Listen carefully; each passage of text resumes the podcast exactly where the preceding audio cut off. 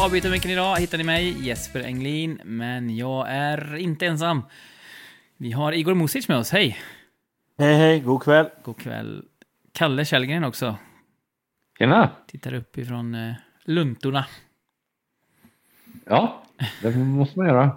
Då Ibland. Mm, blir närsynt annars.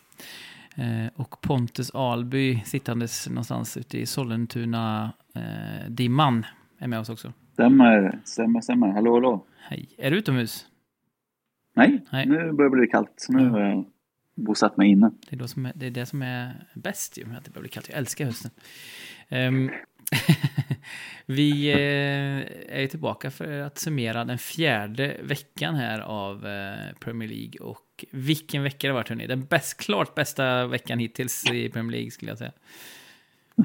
Vad menar du? Ja, nej, men vi, vi tog ju tre poäng mot Aston Villa. Otroligt skönt. Ehm, jag har ju sagt hela tiden, både i podden och utanför, att jag tror att West Ham kommer att liksom knaka igång och i oktober så kommer vi nog vara riktigt bra tror jag. Eh, inte minst för att vi har lite bättre schema och har fått in alla våra, numera åtta värvningar. Men ändå, att få poäng här, eh, ta sina första tre poäng, till första mål. Vi är det enda laget i hela seriesystemet som inte hade gjort mål första tre omgångarna. Det är inte jättesmickrande. Um, så att äntligen vinna, och det var så perfekt. Vi vann liksom en skitmatch mot Aston Villa. Vi var riktigt dåliga i första halvlek, mycket bättre i andra. Och sen då ett slumpmål av Fornals, eh, just, just att det är Fornals också, han är superfavorit. Och så skjuter han via en, eh, jag vet inte om det var Konsa tror jag, över Martinez i mål där. Så det var liksom en perfekt vinst att få. För att uh, istället för att få den här, ja men vi vinner med 3-0 så tror vi att vi är bra och så förlorar vi mot Tottenham på onsdag. Utan perfekt att få en riktig skitseger. Uh, plus att vi har gått vidare till Conference League. Plus att vi har fått in Lucas Paqueta precis as we speak när det här, när det här spelas in. Så att bättre West Ham-vecka var det länge sedan jag hade. Nu har jag fått ur mig allt. Fråga, beteck... ja, det är bra. Eh, underbart. Hur betecknades Fornals mål som... Eh, var det hans mål eller klargjordes det som ett självmål? Jag tror att det blev mål för att i fantasy fick jag assist på Rice. Ehm, Okej. ja. Så det borde ju ha varit, varit så. Ehm, Så var det. Men eh, ja, West Ham vann och det, allt ser jättebra ut. Alltså, vi ska prata om transferfönstret. Eh, vi kommer nog tillbaka kanske senare i veckan, tror vi. Eh, och, och summera transferfönstret, så det kan vi prata om mer om då. Men eh, om eh, min upplevelse av helgen var glädjefylld, eh, hur såg er upplevelse ut? Nu är det någon som kör någon form av dusch samtidigt som vi spelar in här, låter det som. Jag ska kolla. Eh, jo, men hur var er upplevelse av Premier League-helgen? Vi fick ju det där efterlängtade självmålet som vi, det har blivit vår grej nu på något sätt genom... Eh, vem är det, vilken, vilken av våra lyssnare är det som alltid håller koll på, på våra självmål? Eh, ja du, bra fråga. Nej. Ska se. Nu, nu blev vi av med bruset också. Ja, ja precis. Ja. Två självmål skriver han här. Ja, det blev två. Det är min roll. Det är bra. Mm, ja, det är Jons. Sorry att jag inte har stenkoll här. Ja, men precis. Vi fick se självmål eh, eh, i alla fall. Vad fick vi se mer som ni tar med er från helgen, eh, Pontus och Igor? Jag vet inte om Kalle har duschat klart, eller? Jag, Var, var det jag som lät? Nej. jag vet inte. Någon har duschat jag, klart? har, eh, jag har igen ett par intressanta grejer som händer i United-matchen. Mm. Bara han, alltså United tyckte jag, vad heter förlåt, Saints kunde lätt ha fått två straffar. Mm. För mig är det obegripligt. Vi hamnar i den här situationen med eh, VAR där det finns ingen konsekvens överhuvudtaget. Nej. Ingen alls. Man förstår inte överhuvudtaget hur det går fr- från vecka till vecka. Jag minns... Ja, det är ungefär det. Jag är, för, jag är förbryllad över det. Mm. De har ju onekligen haft marginalerna med sig nu eh, i två matcher, Manchester United. Även om inte Liverpool var speciellt bra. Men vi spelade ju som sagt in då eh, samtidigt som den matchen spelades. När de då slog Manchester United med... Nu ska vi se. Nej, jag slog Liverpool ska jag säga. Med... Blev det 2-0 till slut? Visst var det Rashford Ja. gjorde andra målet där? 2-1. 2-1. 2-1, just det. 2-1. Mm.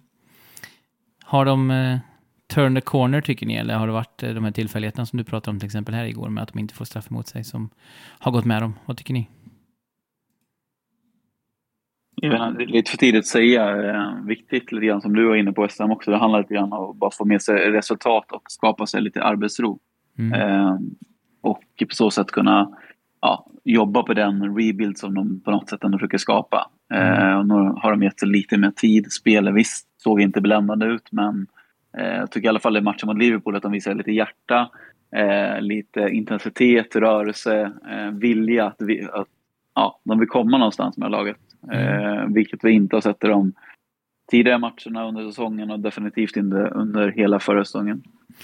Han tog ju några ganska stora beslut också, eh, Ten Hag, till den här matchen. Mm. Eh, Det vill säga att bänka Maguire och Ronaldo. Eh, tror ni att det är liksom det vi kommer att få se fortsättningsvis? Jag tror inte han kommer gå in och ändra ett vinnande lag, det är ju sällan man gör det. Utan jag tror han kommer fortsätta på den här linjen som man har nu när eh, laget verkar klicka. Eh, visst, man gör kanske någon liten justering. Eh, Casemiro eventuellt in istället för McTominay. Eh, Ja, det, är, det är ändå en, Annars- det är en, det är en liten uppgradering ändå, får man ju, eh, alltså en aning bara. ja, en aning förbättring, absolut. Men han kan inte ligan. Nej, precis. Vi får väl se faktiskt. Alltså, det kommer kanske ta lite tid för honom att växa in i det, men, men tror ni inte att åtminstone under ett eller två år så kommer det vara precis vad de behöver? Eller tror ni att han är för långsam? Men eh, Jeppe, han är ju en som jag kallar för, han är ju en filosofitränare. Mm. Han vill ju bygga en filosofi i laget och ett spelsätt. Eh, Det, såg man, det ser man ju ingenting för det han vill är ju just nu inte det laget är eh, byggt på. Det, det här är ett det här är ett lag som vill eh, springa in i yta och helst kontra. Mm. Eh, Så att jag tror, jag tror att du försöker anmär, antyda lite till det också. Att, att det kommer nog bli kämpigt för honom i runt två säsonger. Jag tycker det här med Antoni är rätt intressant. Har förmodligen enligt mig förs- förstärkt sin starkaste del, vilket är ytterkanterna. Mm. Men var ska de hitta någon som kan dra igång bollen lite i mitten? Ska det vara en Eriksen som spelar lite out of position? Mm. Tror du inte bara nu att Casemiro kommer in nedanför att det verkligen släpper lös kreativiteten i Fred och McTominay? Eh, Men kanske, kan, kanske kanske samma mening, eller samma, samma eh, resonemang som du gör, och det kanske var det du egentligen menade, att ehm, eh, Bruno och eh, Eriksen får, alltså om man får den trion där, eh, och dessutom om Ronaldo är petad nu då, så får ju Bruno den här ytan han behöver. Eh, det kanske kan liksom bli en dominoeffekt på det sättet. Nej, men så kan det ju vara. Det problemet som de har haft förut med McTominay och Fred, det har ju varit ett alldeles för destruktivt mittfält där ingen kan, eh, ja, vad ska man säga, slarvigt uttryckt spela boll. Mm. Eh, nu har du ändå tre väldigt bra fotbollsspelare, sen gäller det att få ihop det också. Och där får man ju också ge det tid, man får se hur balansen, om det funkar och klickar mellan dem. Eh, men eh, ja, det ser intressant ut och det blir spännande att följa. Men tror ni inte att, eh, skämt åsido med Fred där, tror ni inte att, för de spelar ju tillsammans i landslaget också, Fred och Casemiro en del. Ehm, de matcherna där de behöver lite mer, eh, ska vi säga, defensiv soliditet, så spelar man Fred, Bruno och eh, Casemiro, medan man kanske skiftar in Eriksen i de matcherna man förväntar sig att man styr. Ehm, det, kan, de ger, det ger dem ju mycket mer taktisk flexibilitet i alla fall. ehm, att få in Casemiro, bland annat såklart, förutom de givna lyftet som det blir. Men jag tänker också alltså. Jag ska inte säga så här men alltså det finns ju vissa likheter med Arsenal. Eh, kanske dels att det måste gås, gå, gås in i en lite infekterad trupp, ta, ta lite obekväma beslut. Eh, att du verkligen liksom pinpointar spelarna du behöver. Eh, och jag ser kanske en alltså, viss likhet mellan Fred och Xhaka till exempel. Mm. Xhakas i Arsenal det här året jämfört med vad Fred kan få av att ha en spelare bakom sig i en vänd triangel. Eh, precis som du säger Jesper, att de funkar ihop i, i, i Brasilien. Eh, eh, gör de ju. Så Mm. att, eh, men det, fin- alltså det finns väl vissa likheter där. Sen eh, kan jag ty- tycka att kanske väl många nummer 10-spelare om man ska spela utan nummer 10 då. Eh, Men, men man kanske kan få det att funka. Ödegård har ju funkat jättebra och gått ett steg tillbaka i, i planen också kan man väl säga. Eh, Så, så det, det är möjligt att det funkar. Men eh, ja, det är klart. Alltså, men han har ju fått välja sina spelare från, från början kanske på ett annat sätt. Mm. Men... Eh, Arteta fick ju sina spelare först nu, två, till nästan två och ett halvt år in. Ju han sina Ja, spelare han hade jobbat med innan och så. han har fått bända loss lite spelare först då. Eh, både Cas eh, Casemiro, det. Lacazette och eh, Aubameyang. Eh, det var väl Mm. det stora. Liksom, man var tvungen att rensa först. Men det är väl det som är grejen att Manchester Uniteds trupp, känns ju väldigt splittrad. Alltså både i form av, eller så här, stämningen verkar ju inte vara på topp direkt. Har inte varit på länge nu. Och även då hur den ser ut i balansen. Hur- vad är rimligt att förvänta sig av dem nu? För nu stänger ju fönstret snart och jag, det, visst, de kanske hinner få in några mer spelare, men det ser väl ut ungefär som det kommer göra. Eh, Vad, vad tror ni vi kan, vad är rimligt att förvänta sig av Manchester United eh, i år? Är det liksom eh, Europa League-plats? Alltså inte vad de Ja. siktar på, för det, det är ju inte tillräckligt bra för dem att sikta på, men, men vad, vad man tror är rimligt. Det är ju det. eh, ja, Europa League. Det är ju det. Mm. De håller väl inte för mycket mer. Nej, tror ni att Rashford blir... Eh, kommer att de försöka spela om som central nu? Han, han vill ju inte det själv, har han sagt många gånger. Men de har inte jättemycket annat om de inte ska spela med Ronaldo. Antoni spelar, kommer att spela centralt. Tror du det? Ja, Mm. Nej. Han är... Nej, han är-. Han, han, han är en ytter. Han är, Han är en högerytter. ja. Han är Men han en har smalare version och inte lika direkt som Rafinha är ungefär. Men det, det, säger ni det? det känns ju Ja, som alltså att... jag- Ja, jag såg honom för två veckor sedan sätta upp en Mm. boll i klykan från högerkanten med Ajax. Ja, min, min känsla är att han är tilltänkt som nia, men eh, ja, vi får se. Men är han vänsterfotad eller? Ja. Mm. Det är ändå konstigt. Alltså Sancho spelar ju där ute normalt sett. Eh, Men han är ju bättre, Sancho är bättre till vänster. Ja, och det kanske är så att ja. de vill möjliggöra det. Att, Ja. att de får den trion då, Anthony, Rashford och eh, Sancho. Och att de har en väldigt stor rörlighet där då kanske. Men de, vad jag minns, om jag inte är helt ute och cyklar, så spelade Martial fick ju spela ganska mycket centralt på Mm. försäsongen och det gick ju väldigt bra då. Sen gick ju han ju sönder så han är inte helt hundra eh, tillbaka. Så jag tror han kommer få kanske lite fler möjligheter framöver om de väljer att spela Rashford på någon av kantpositionerna istället. Mm. Det är ändå intressant eh, tycker jag i Premier League. Alltså, samma sak med Aston Villa. De har ju hur många centrala spelare som helst. Eh, Och den enda spelaren som de eh, som är en rapp kantspelare i Bailey, han sitter på bänken. Eh, och det var ju otroligt tydligt mot West Ham att de försökte ju bara stånga sig fram centralt och där har vi liksom Rice och, och Zuma och Kerer nu senast då som är liksom solida som bara den. Så att ehm, ja, det verkar vara lite av en sån här sjuka som går hos vissa klubbar. Det har ju Everton också haft tidigare år problem med att de har liksom staplat tior på varandra eh, utan att få någon effekt Mm. på det. Ehm, Så det är, det är intressant att klubbar agerar så. För att det känns inte som det finns så många tior, alltså som spelar som tior så att säga i Premier League. Ehm, Som det finns faktiska spelartyper som är tior. Nej. Eh, de- Den rollen är ju väl, den rollen är ju väl relativt, eh, vad ska man säga, nästan eh, Utdöd. eh, ut, ja, den har man ju knuffat ut lite med tanke på vilket spel som det är. Mm, Eh, Det är väl bara att kolla på Newcastle. Så att eh, de har ju Joe Willock som sin tia till och från. Mm. Och eh, ja, jag säger ingenting mer. Det är väl eh, vanligare, alltså spelar man med nummer 10 så är det vanligare att det är en second striker eller vad man ska kalla det, skugganfallare Mm. mer än, eh, mer än att det är någon eh, Rikenme eller Özil typ liksom som bara ska regissera.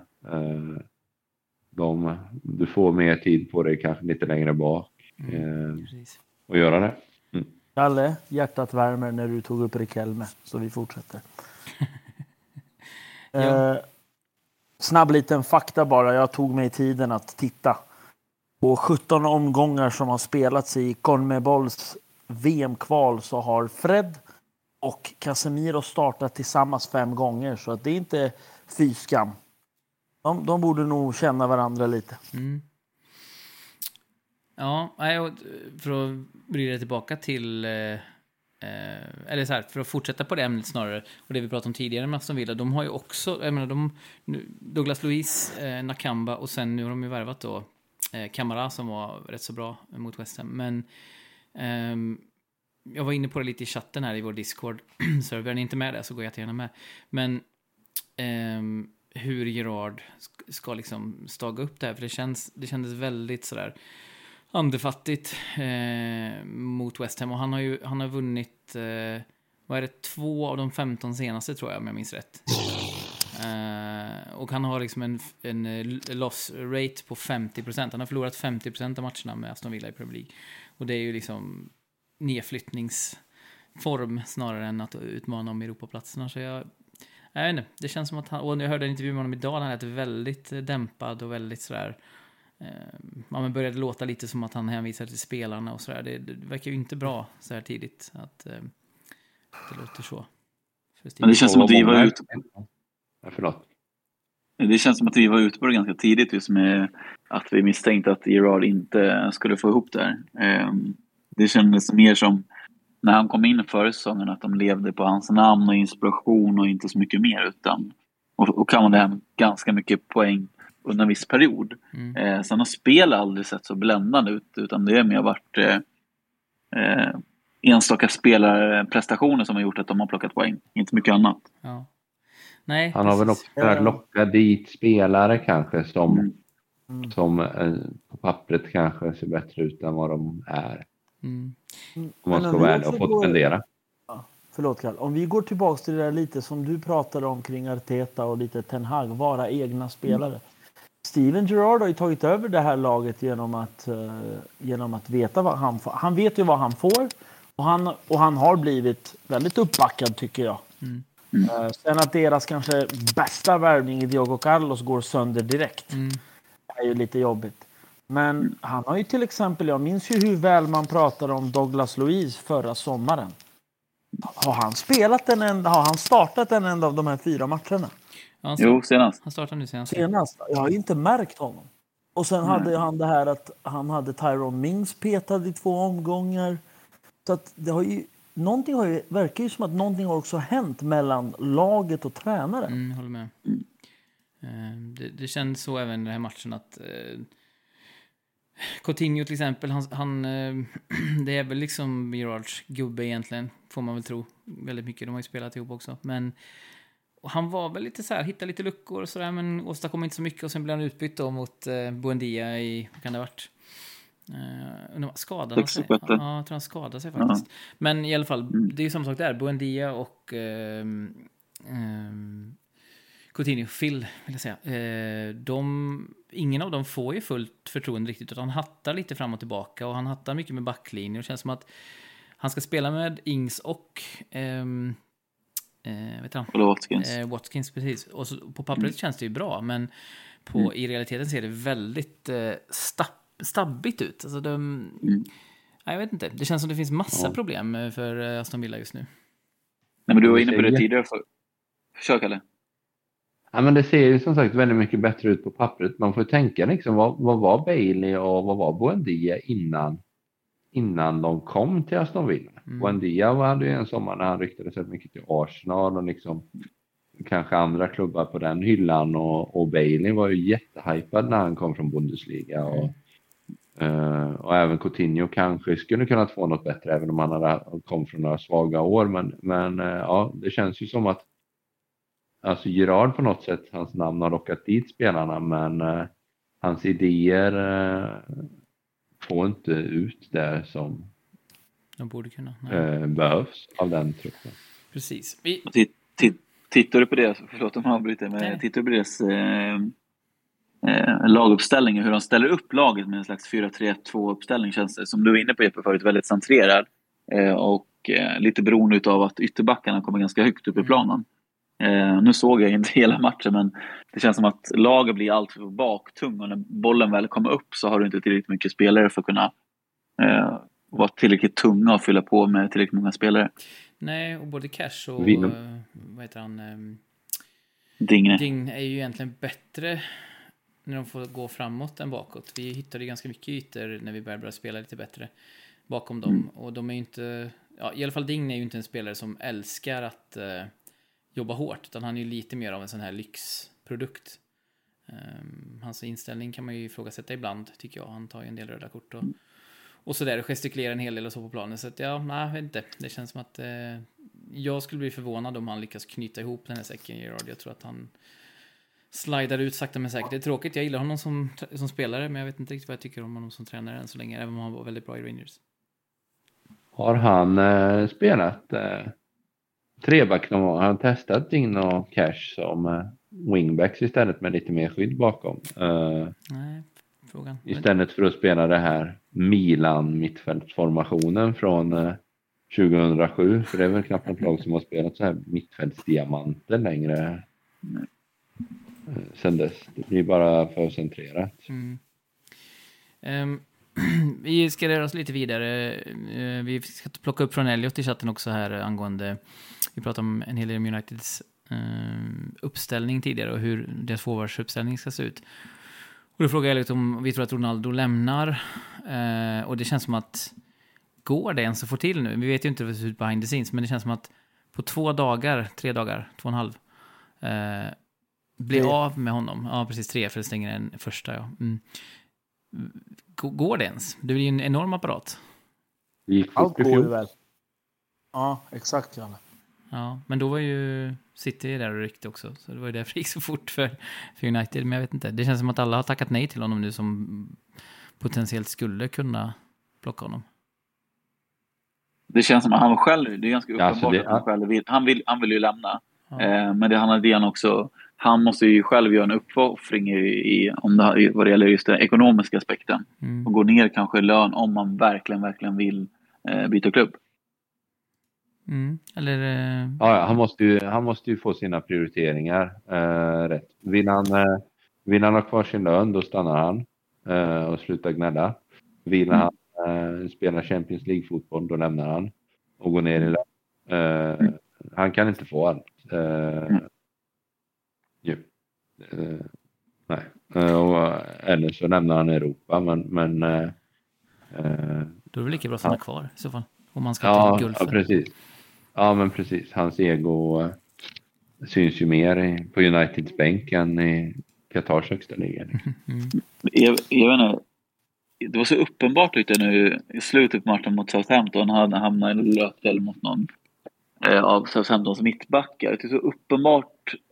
Ja, bara för något år sedan han bara kunde, han petade bollen för att komma förbi men han hade verkligen liksom kraft eller fart för att klara av eh, att komma förbi. Eh, och det känns som att hans, även om han är i fysisk topptrim så tror jag att hans kropp lite grann börjar säga ifrån att han inte han klarar inte av att prestera på samma nivå som han har gjort ja, de senaste åren när han ändå liksom har legat på en hög eh, andel mål per Mm. säsong. Eh, jag vet inte om han ja, borde tänka på liksom att inte runda av men kanske att byta klubb nu till någon Champions League-klubb där han får spela lagom mycket, eh, få ett bra resultat i Champions League och sen kanske flytta till USA eller liknande. Mm. Eller så slutar han bara nu så är vi av med honom. Det vore Ja. också gött. Eh, Tveksamt. Men ehm, Liverpool eh, studsar tillbaka hyfsat från den där förlusten vi nämnde förut mot Manchester United. Ehm, 9-0. Jag fick gnugga mig lite i ögonen när jag satte igång livescore-appen där och kollade. Eh, och Salah gjorde väl inte ett poäng, va? Nej. Eh, jag vet vi som hade honom i fantasy. Jag hade honom dock inte som kapten som tur var. Men eh, eh, 9-0. Ja, Nej, det, det, ja, Bournemouth. Proppen ur. Ja, Bournemouth. Eh, potatisen är ju lite småhet ändå i reserves med... Eh, vad heter det? Vem var det som hävdade att eh, du igår hade hypat Bournemouth lite? Var det Kalle som hypade? Eller hävdade det? Alla hävdade att jag hade hypat för... Eller förlåt, att jag sa att inte Bournemouth var så dåliga. Precis. Det är ingenting jag minns och stämmer det så tror jag bara att jag kommer säga till Kalle, Kalle jag skäms. Ja. Men eh, jag tänkte också... vi, jag, skulle- förlåt, jag skulle bara säga att jag tror att det var Daily Telegraph som jag såg på Twitter som hade en artikel om hur tufft det var för Scott Parker för de hade ju knappt Alltså jag vet ju inte ens om de har köpt någonting av värde sedan dess heller. Men de hade ju inte överhuvudtaget eh, satsat särskilt mycket på den här truppen. Jag tror vi diskuterade lite också Mm. om förra veckan. Mm, nej, men det är så. Det känns som de har eh, gjort lite som Norwich. Att eh, kan vi klara oss kvar är det gött. Kan, åker vi ur så har vi en massa pengar vi kan spendera i Championship sen. Um, Just king. Ja, jag vet inte. Det är för Ja, jag, nej. jag menar, litar man på att uh, Kiefer Moore eller uh, Dominic Solanke ska liksom skjuta de där målen man behöver så mm, det är väl ingen jättestor överraskning att uh, de har gjort ett mål de två på fyra matcher.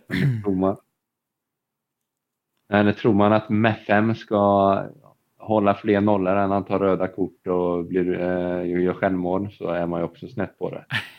ja. ja, nej men eh, de... Eh, visst var det premiären de vann? Ja, slog Villa. Ja. Villa. Mm. Mm. Ehm, och sen har man ju inte varit i närheten av att ta poäng sen dess i princip. Ehm, hur, ehm, hur stora chanser ger ni dem att, eh, att överleva säsongen? Vi, det diskuterades väl i tråden mellan eh, Ken och Kalle lite grann om eh, Ken var inne på spåret att de eventuellt kunde plocka fyra poäng de, var det kommande, var det tre matcher nu? Mm. Eller var det två? Ja, nej jag vet inte. Jag, nu såg jag ju en match mot Arsenal, missade Liverpool-matchen, men nej, de är ohyggligt svaga. De måste få in någon spets nu i, i fönstret för att kunna ha någon möjlighet att eh, kunna klara sig kvar. Mm.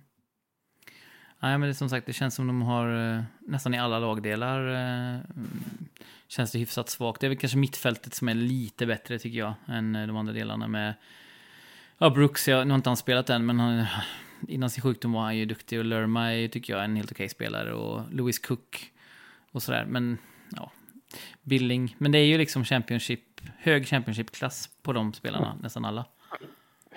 Jag, tro, jag har trott nu fyra gånger att du har fiskat efter avslutet av podden Ja. när du har sagt, de här spelarna. Nej, jag tycker de har en viss kvalitet, men som sagt, de har mer, mer eh, Championship-kvalitet. Men, men okej, vi kollar på Li- Liverpool istället då. Hur viktigt är det för, ehm, för dem att få den här islossningen, som ni sa där? Hur mycket betyder det mot ett svagt eh, Bournemouth? Det lär ju säkert betyda en hel del för dem. Sen, sen att eh, den kvalitetsskillnaden inte precis kommer att eh, visas i, i nästa match helt och hållet, det är en helt annan grej. Men för Liverpool tror jag det var välbehövligt. De får ju andrum. Mm. Men tror ni det spelar någon roll att de vann med 9-0 istället för 3-0? Det tror inte jag. Jag tror inte det. Ja, förutom målskillnaden. Nej, det tror jag inte. Det tror jag inte. Men jag tror i så fall hade det behövt, att, eh, behövt vara rätt spelare som gjorde målen.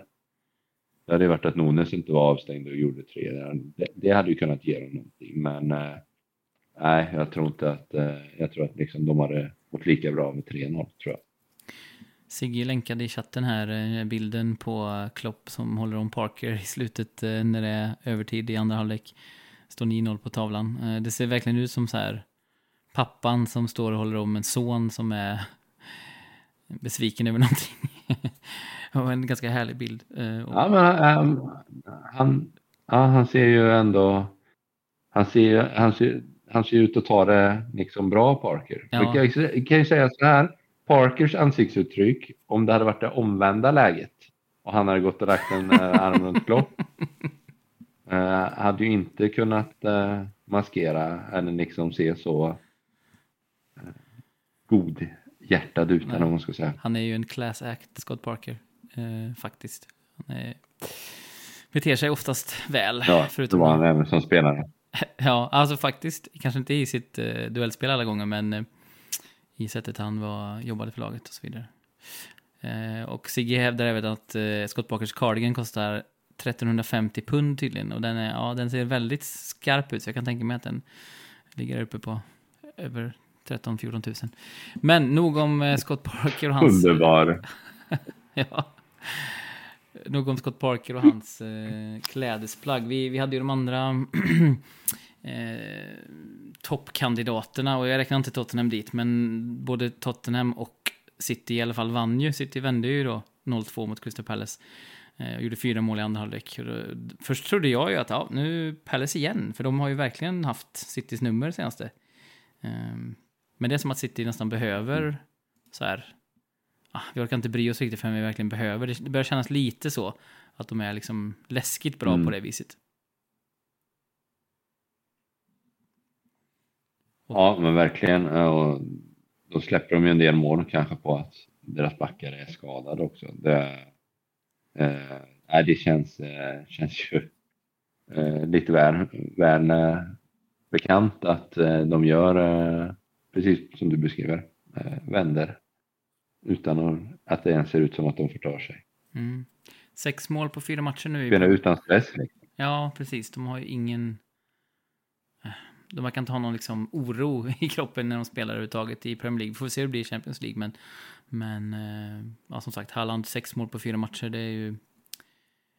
Man hade ju hoppats kanske som supporter till andra lag att han hade haft lite kämpigare och lite knaggligare, men han har ju bara fortsatt på samma sätt som han har gjort i varenda karriärsteg och bara... Det ser ut som att han inte... Ja, vad är det här? Det gör väl inget. Jag kan väl göra mål här också. Um, vad, är, vad är er bild av Haaland egentligen, eller Haaland? Min, min son säger Haaland heter så jag blir lite indoktrinerad. Men vad är er bild av honom som liksom eh, person i och kring spelet? För att eh, Pep pratar hela tiden om att han är så ödmjuk. Och den framtoningen har han kanske inte alltid, eh, Haaland. Vad, vad har ni för känsla för honom? Nej, men det är väl att eh, han själv är så medveten på eh, vad hans styrka i spelet är. Eh, såg man första halvlek mot Palace här så jag tror han hade fem touch på bollen och ja.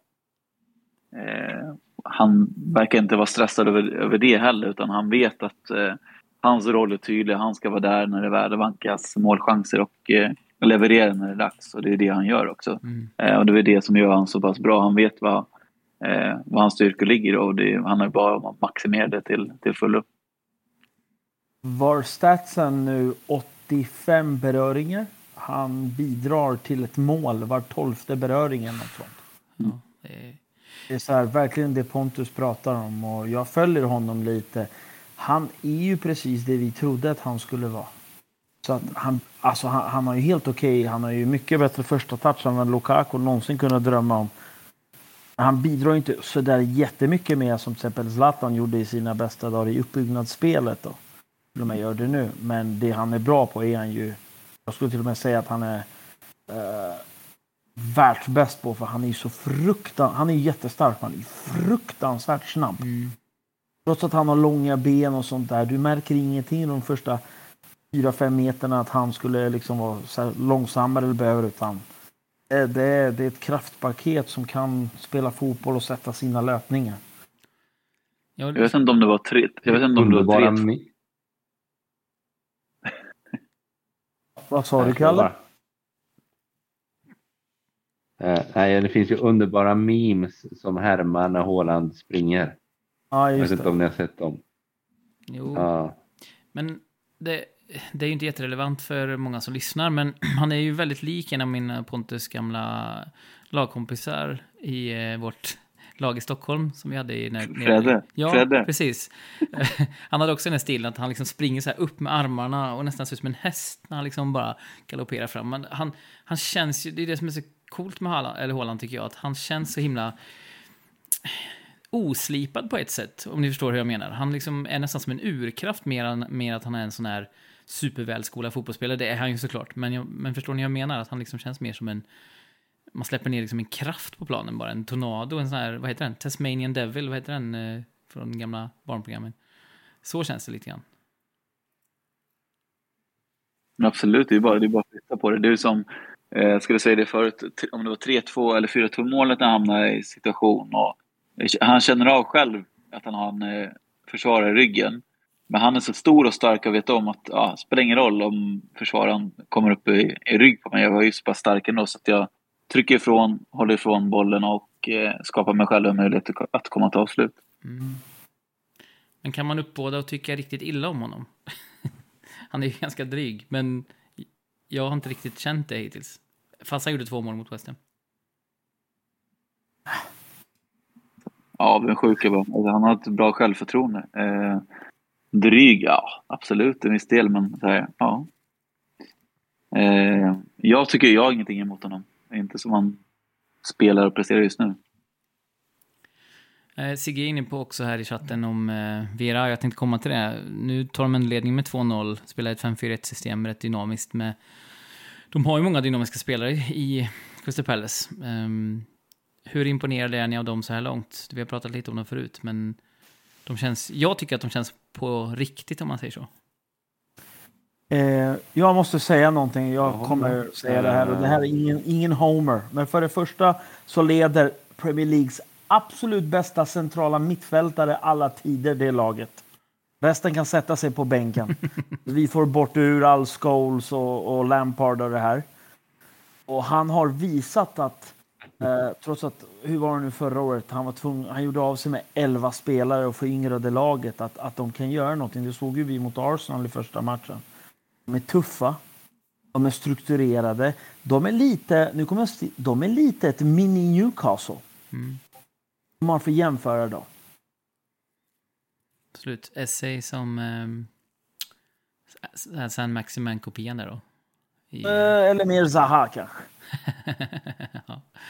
Men eh, Zaha, eh, eh, vad jag kunde se så var han skadad nu eller? För han spelade inte mot eh, City. Nej.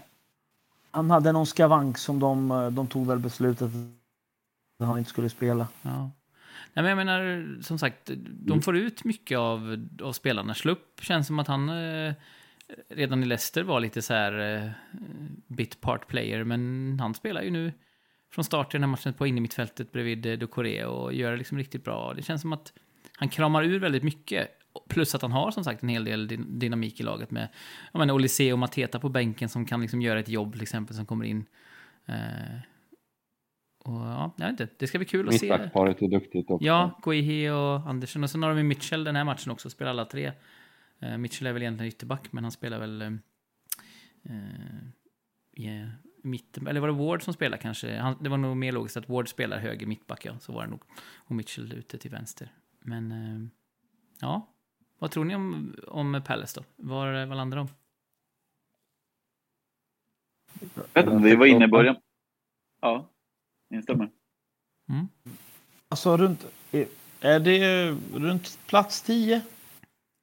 Man kanske kan komma topp 10. Mm. Ett lag som förmodligen kommer topp 10 till, eh, i alla fall i den här poddens eh, förtret, är väl att ehm, eh, Tottenham också ser ut att göra det. De har ju börjat eh, riktigt starkt också. Eh, inte lika starkt som Arsenal, ska sägas, men nästan lika starkt.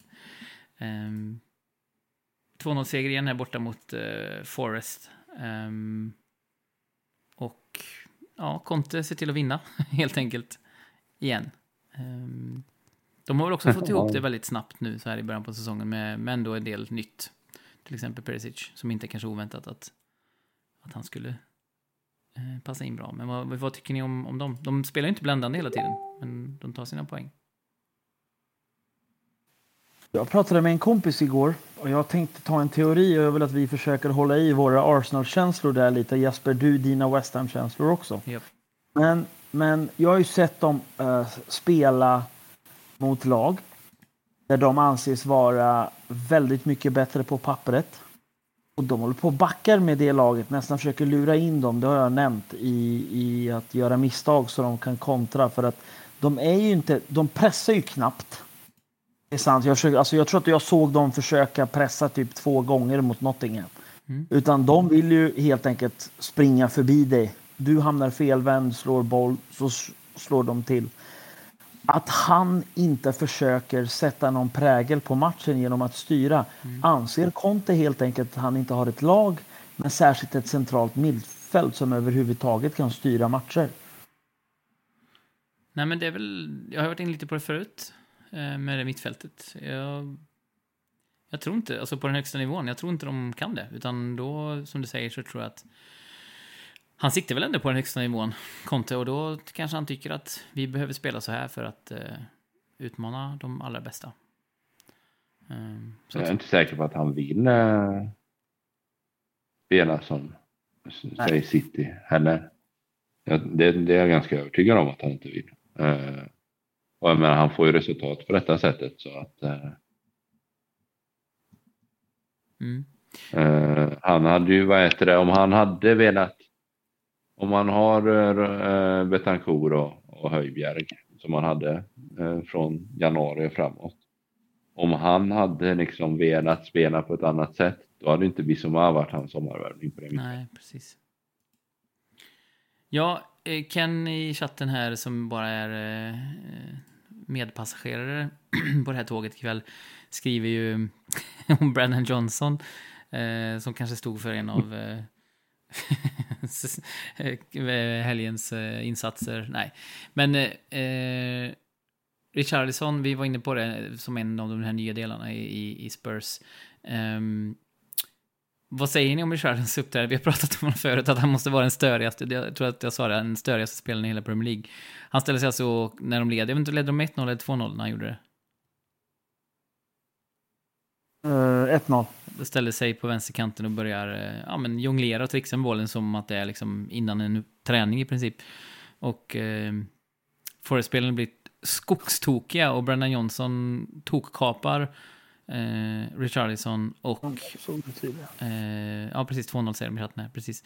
Richarlison tok, eller blir tokkapad av eh, Brennan Johnson. Plus att det kom en till Forest-spelare, jag vet inte vem det var, men som liksom gör en, ett wrestling-move på Richarlison han ligger ner sen. Eh, jag har inte så mycket för våld, men det, det såg ju väldigt... Eh, vad ska man säga? Det såg väldigt eh, dråpligt ut, det ordet jag söker. Vad, vad, tycker ni? För det har delat, eh, delat fotbollsvärlden lite detta, att vissa tycker att åh, han är så eh, rolig, cool som håller på så här. Och vissa tycker att han liksom är... Att det är provocerande att han är en tönt. Var, var, var faller ni i frågan? Han är en tönt. Inte alltså, helt det, oväntat det, att du skulle tycka det. nej, Jag är ganska subjektiv i min åsikt. Men, Alltså jag skulle vilja höra den som inte tycker han är en tönt. Någon bra motivation till det. Ja. Skulle jag bli väldigt förvånad. Jag kan, ja, men jag kan väl känna så här att alltså, vill han göra så eh, så är det väl honom, honom fritt. Men, men jag kan också tänka att om det hade varit, om han hade spelat i mitt lag så hade jag nog också tänkt att han kommer nog bli tacklad för det här. Eller jag hade nog inte ja. tyckt att det var jättesynd om honom liksom. Nej. Uh, Nej. Men om han vill, om han vill göra så, om han, om han tycker att det är eh, maximera hans lags chanser att vinna matchen eh, och att få motståndarna i balans eller vad som, vad som må vara, då får han väl göra det. Det är, det är väl upp till var och en, tänker jag, men ja. Um, ja, det påminner mig lite om när Western spelade i Championship när vi mötte, vilka var det? Jag kommer inte ihåg, men Jimmy Kebbe i alla fall, en uh, Ivorian tror jag han är faktiskt. Eh, dribblade på högerkanten, stannade upp och fixade till strumporna. Eh, medan han väntade på att, eh, jag vet inte om det var McCartney eller vad som var vänsterback, skulle gå på honom. Eh, och liksom tog sig förbi. Och han blev också ganska omilt behandlad senare i matchen. Eh, men är det någonting mer vi vill plocka upp här från helgen eh, innan vi tar och rundar av den här kvällen? Uh, och vi återkommer som sagt förmodligen senare den här veckan också och summerar transferfönstret uh, om vi får till det med våra, våra, vårt pusslande här hemma. Alltså det är, du kommer, vi kommer komma in på det här senare veckan men med Isak till Newcastle är ändå alltså, mm. spännande och kul. För, jag vet inte, för ligan. Spännande, ja, kul, ja. Ja, och sen tycker jag det är skitkul att en svensk kille har svårt ja, att få arbetstillstånd någonstans. Vem då? Isak. Han kanske inte hinner bli spelklar till matchen på onsdag. Ah. Okay. Mm. Eddie Howe har sagt att det är det typ läng längsta de har väntat på ett arbetstillstånd eller arbetsvisum. Mm. Ja, jag vet inte, det känns ju tråkigt. Alltså vi pratar, kan prata mer om det eh, senare i veckan, men det är... Eh, jag tycker det är jobbigt eh, med eh, Isak, för jag gillar verkligen honom. Han spelar i landslaget och nu eh, så kan jag inte göra det riktigt. Ken säger också här att om vi kommenterar på deras Saudiarabien-ställ. Newcastle. här. Mm. Det... Tror du att Isak ångrar sig när han såg det här andra stället? Bara, nej, vad har jag gjort? Ja, El Gesheyan, eller vad heter han? Tänker jag på, han som gjorde mål mot Sverige i VM ja. du, du, har ju en, du har en god vän Frans som är Newcastle-supporter. Jag vet inte hur, hur hardcore han är just nu, men... Jo, men han, han följer dem noga. Han ja. Eh, har väl försökt argumentera för, för att eh, man som supporter kan acceptera det här ägar, nya ägarskapet och så. Um, Ska han konvertera också? vad sa du? Okej, det, ska inte han konvertera också? och bli muslim du? Exakt. Nej, det är nog tveksamt eh, om han gör det. Han är, han är ju ganska aktiv eh, i Svenska kyrkan, så det är tveksamt. Men eh, nej, jag vet inte. Alltså det, det är väl lite fram och tillbaka där, eh, hur, hur han ska känna. Men han, han tycker ju att Eddie Howe har gjort eh, stor, dåd, så att, eh, han är mer nöjd än, än missnöjd. Eller liksom, än tveksam. Eh, Men ja, men som sagt, något mer vi ska plocka upp eh, förutom Isaks eh, övergång här innan vi stänger säcken för eh, fjärde Premier League-helgen, eller veckan. Vad ser ni fram emot i kommande vecka? Nu är det, är det veckomatcher också. Jesper, får jag säga vad jag ser fram emot? Jag ser fram emot att ni och Tottenham sparkar ur varandra. ja, det ska bli spännande. West Ham vinner. Vi hoppas. Nu har vi ju i alla fall lite, lite momentum. Så, eh, och kanske paket här från start för att lyfta publiken ännu mer. Så att, eh, mm, vi får se. Det ska bli väldigt eh, spännande hur det går. Vi har knappt nämnt Arsenal. Vi, vi sa Vera, men annars har vi knappt nämnt Arsenal. Ska vi bara säga något, bara så att vi har gjort det också? Om vi bara säger till exempel, eh, vad, ska, vad, vad ska vi ta?